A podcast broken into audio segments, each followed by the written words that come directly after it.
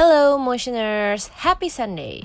Welcome back to season 2, episode 7 of Discuss Motion. Today's discussion will be about green economy atau pembangunan berkelanjutan bersama dengan narasumber kita yang super insightful dari Coaction ID. Siapakah itu? Yuk langsung kita simak. Hey guys, balik lagi kita di episode 7 kali ini bersama Kak Verena Puspawardani dari Coaction ID. Bisa juga dipanggil dengan Kak V. Nah, kalian mau tahu kan juga kita hari ini ngomongin apa? Hari ini kita tuh ngomongin tentang green economy atau mungkin bagi beberapa kalian juga tahu hal ini dengan istilah ekonomi berkelanjutan. Apa sih itu? Tenang aja guys, jangan berkecil hati. Kita di sini mengajak kafe untuk bincang-bincang santai. Yang pasti selalu santai kalau discuss motion itu.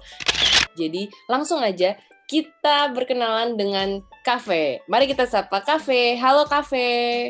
Halo Mia, halo Motion for Nature, apa kabar? Semoga semua sehat-sehat aja ya. Kayaknya motioners nih pada semangat sih, masih sehat-sehat aja nih apalagi bincang-bincang kali ini topiknya anti mainstream. Kita tuh suka banget sama hal-hal anti mainstream.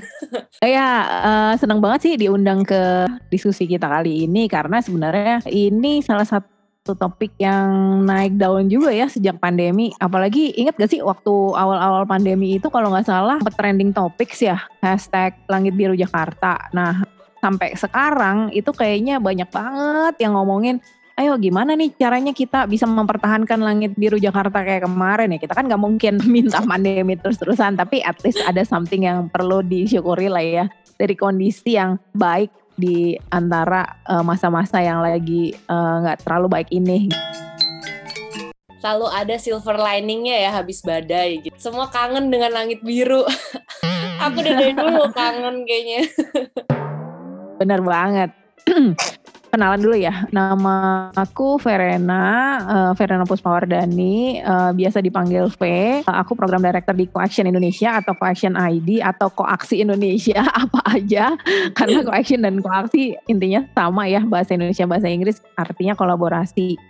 Jadi kita memang inginnya organisasi ini bisa uh, mengadvokasi kolaborasi, uh, menginisiasi kolaborasi dan breaking barriers. Dengan adanya koaksi, kita ingin berkontribusi pada pembangunan berkelanjutan. Jadi persis banget nih kayak topik kita hari ini dengan cara berpartisipasi dalam mitigasi perubahan iklim. Nah, uh, perubahan iklim itu kan banyak ya caranya ada yang uh, pakai uh, kampanye bebas plastik, ada yang pakai kampanye green industry, ada yang pakai kampanye pertanian atau perkebunan yang berkelanjutan. Nah, di koaksi itu kita intervensi energi terbarukan. Among others, kayaknya emang seru, lebih seru kalau kita ngomongin green economy sih, karena siapa sih yang nggak suka sama topik ekonomi ya pada dasarnya? Apalagi sekarang sejak pandemi kayaknya ekonomi kita juga perlu perjuangan nih untuk naik lagi ke atas. Dan kayaknya kalau anak muda ngerti kayak gituan dan uh, ya notabene karena kita punya hampir 70% populasi Indonesia ya anak muda bagus lah kalau kita bisa sama-sama paham dan akhirnya kita punya apa competitive advantage yang bisa membuat anak muda Indonesia unggul gak cuma di Indonesia tapi juga di Asia Tenggara atau bahkan di dunia gitu.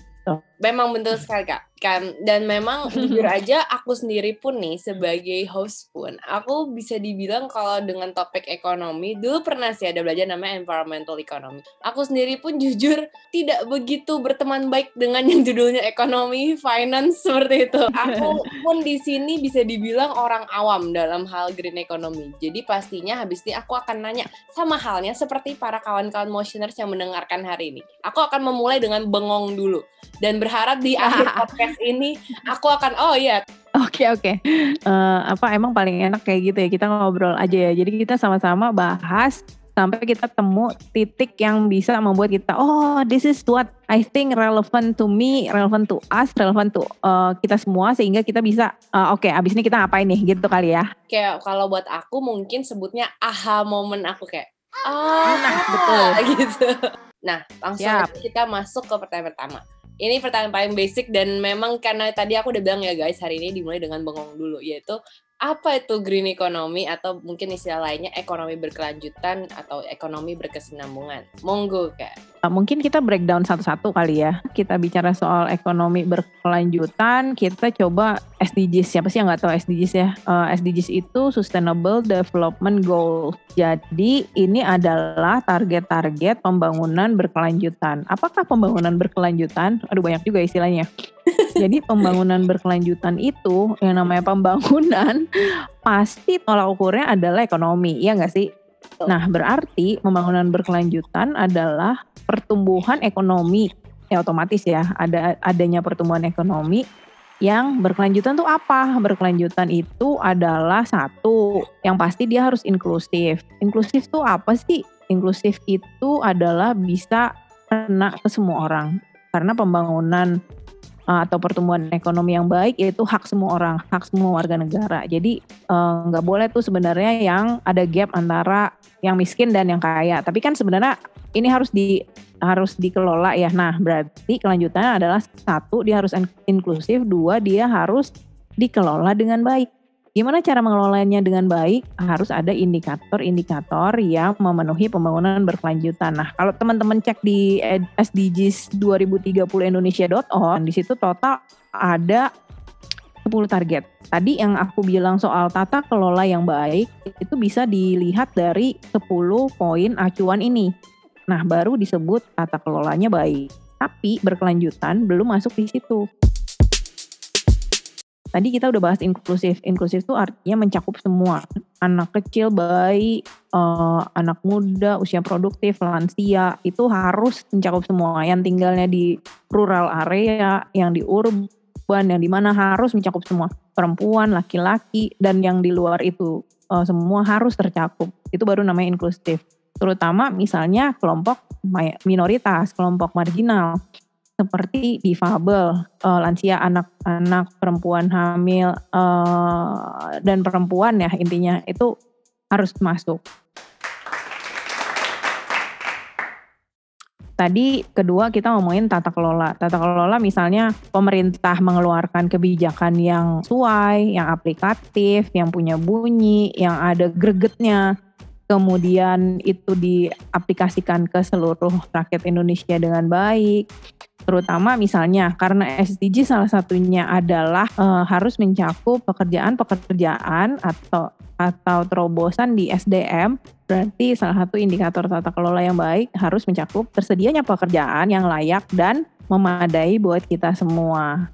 Nah, terakhir yang berkelanjutan itu berarti kita tidak boleh memiliki pertumbuhan ekonomi yang menghabiskan resources sumber daya alam kita pembangunan berkelanjutan itu harus mencakup satu pertumbuhan ekonomi yang inklusif, dua tata kelola yang baik.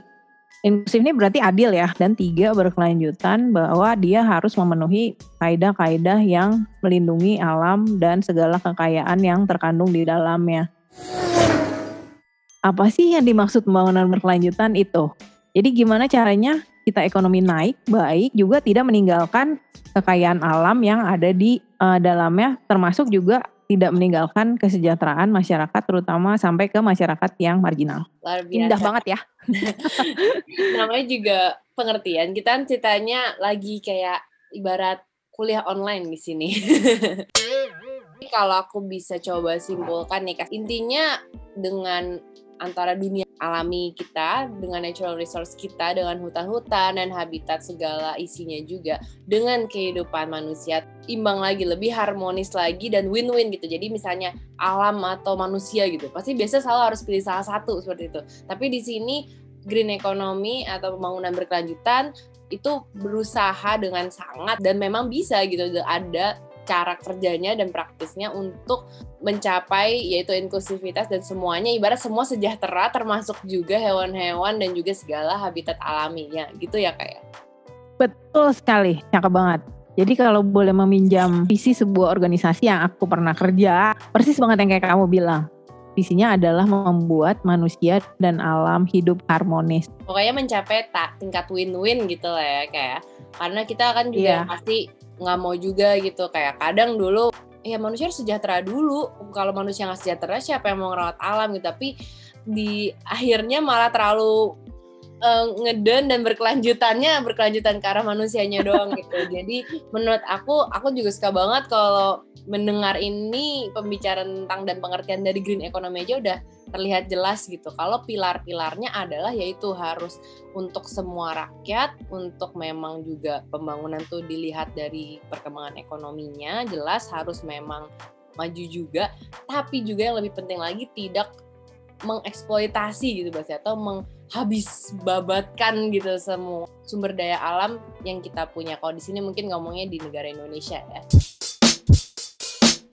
Iya betul sekali kak.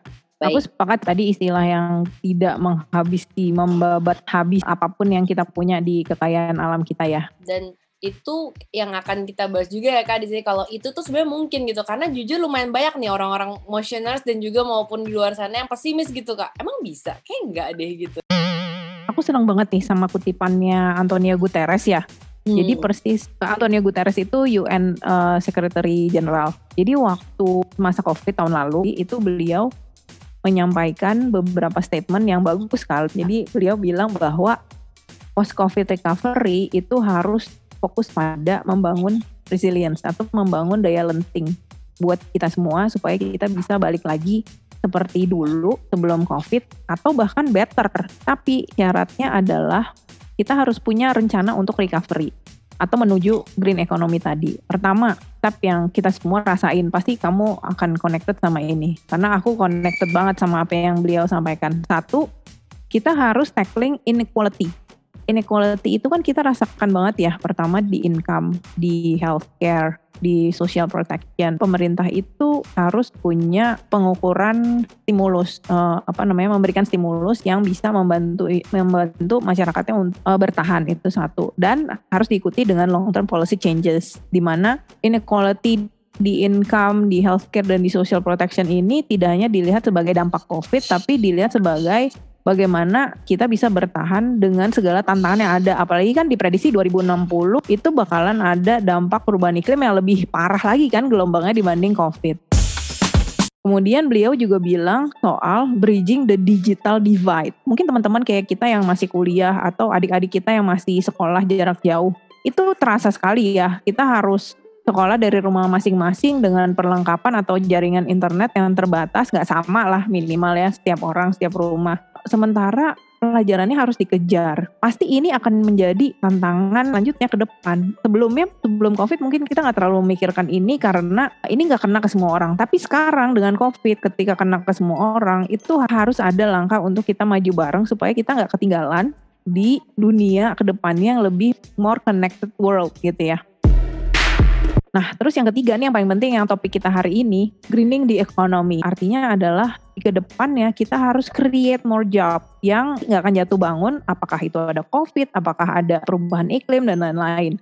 Nah, jenis pekerjaan apa yang bisa bertahan panjang jenis pekerjaan yang satu memberikan penghidupan layak atau memadai nggak cuma untuk kita makan tapi juga kapasitas untuk memenuhi kebutuhan kita sandang pangan papan plus capacity building capacity building apakah kita mau sekolah lagi, apakah kita mau ikut training, apakah kita mau pengembangan diri dan lain-lainnya sehingga memungkinkan orang punya ability to create job untuk teman-teman, untuk lingkungannya, untuk menanggung kehidupan orang-orang lain yang mungkin tidak lebih baik dari kita gitu ya.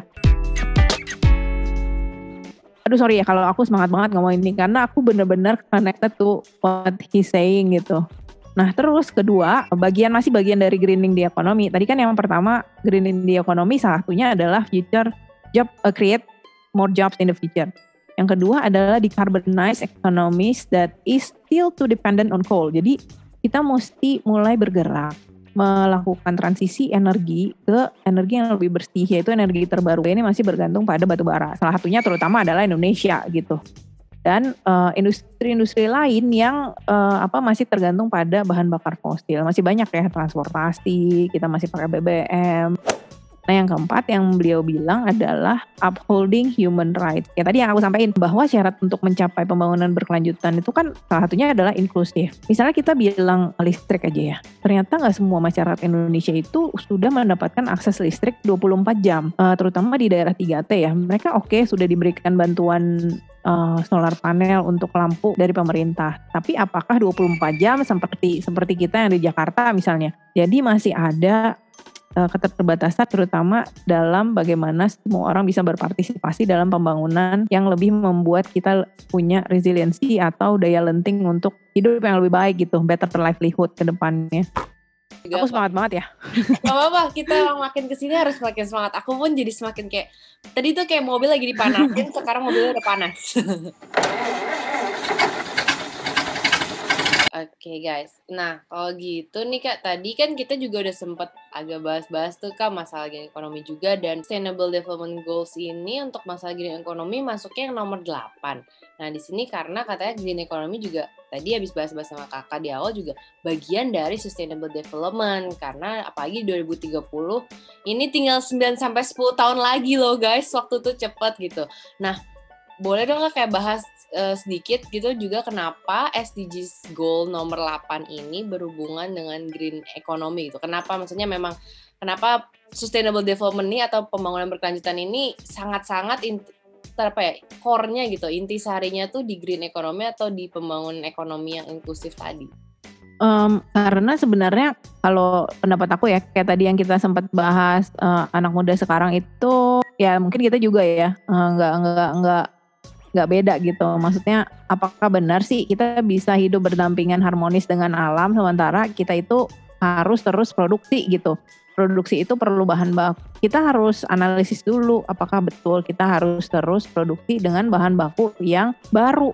Apakah kita bisa sebenarnya meningkatkan produktivitas dulu dengan hasil analisis yang sudah kita lakukan. Jadi kayak kita bikin penelitian aja sih sebenarnya bahwa sebelum kita moving forward kan harusnya kita bikin pemetaan dulu nih sejauh mana sumber daya alam yang udah kita pakai apakah semuanya kalau kita mau ibarat kata apakah kita kalau mau bikin kertas tuh harus semuanya pakai kayu baru gitu? Bisa nggak sih kita pakai daur ulang kertas yang notabene uh, selama ini mungkin kita nggak tahu ya penggunaan kertas berapa banyak gitu? Itu satu. Uh, nanti setelah kita analisis baru kita uh, ambil keputusan oh berarti bisa dong kita pakai kertas daur ulang dengan segala limitasinya. Kita bangun strategi baru sehingga uh, kebutuhan kita akan kertas bisa terpenuhi. Misalnya seperti itu. Ya aku pikir sih kenapa ada konsep green economy karena sebenarnya kita tahu bahwa pada dasarnya semua pembangunan kalau berbasis pada sumber daya yang bisa habis depleting resources itu pasti nggak akan bertahan lama karena misalnya gini, uh, kita hitung aja pasar ya, kira-kira luas hutan berapa, kebutuhan kita akan kertas berapa. Kalau misalnya semua hutan itu kita babat sekarang untuk memenuhi kebutuhan kertas kita sekarang, uh, pasti akan habis. Tapi kan ada strateginya, gimana bisa ada hutan mur, ada hutan alami, ada hutan produksi, kemudian ada uh, hutan yang memang dibangun kembali dari lahan kritis. Jadi itu kak, gimana caranya supaya apa yang kita bangun sekarang tidak mengganggu apa yang harusnya bisa dinikmati oleh cucu kita. Mau gak mau kita harus ngomongin gitu. Oh, betul. Kayaknya gitu sih kak. Setuju, setuju. Itu benar sekali karena kadang mungkin kita bukan yang nggak tahu atau nggak nggak aware ya. Menurutku lebih ke arah lupa gitu, nggak inget kalau kita tuh nanti akan ya kalau yang memang belum nih ya umumnya kan kalau mahasiswa-mahasiswa atau apa mungkin belum gitu ya kayak punya anak nantinya kan kita pasti punya keturunan. Ataupun bagi yang udah memang punya anak pun nantinya punya cucu gitu. Keturunannya akan berlanjut terus ya maunya itu kita lupa kalau ya sumber daya alam tuh bukannya unlimited loh. Itu itu sebenarnya hal-hal yang limited. Kalau kita nggak kreatif gitu ya kayak ada berarti mungkin eko, uh, istilah ekonomi kreatif ntar nih misalnya untuk kreatif juga untuk masalah ini gitu. Jangan cuman ambil dari sumber daya alam yang itu itu aja. Jadi menurut aku mungkin lebih memang orang perlu sering diingatkan aja hey nanti masih ada masa depan loh untuk anak kamu untuk cucu kamu. Ya harus sekreatif mungkin gitu. Kayak aku juga kadang agak kreatif gitu misalnya bungkus kado gitu. Bungkus kado aja udah mikir nggak mau lagi beli bungkus kado baru gimana ya caranya? Itu jadi melatih otak juga sih kan sebenarnya untuk kreatif. Betul sekali betul sekali. Aku setuju. Jadinya kita jadi lebih kreatif ya. Kayak misalnya aku jadi inget deh omongan beberapa teman. Kebetulan nih belum lama. Kita nih misalnya sekarang banyak teman-teman yang pengen ke depannya mau jadi petani gitu kenapa sih ke depannya pengen jadi petani? Karena setelah aku tanya nih beberapa nanya, nah coba lihat zaman dulu emang kita makannya beras, banyak teman-teman kita di berbagai daerah yang juga makan jagung, ubi, singkong.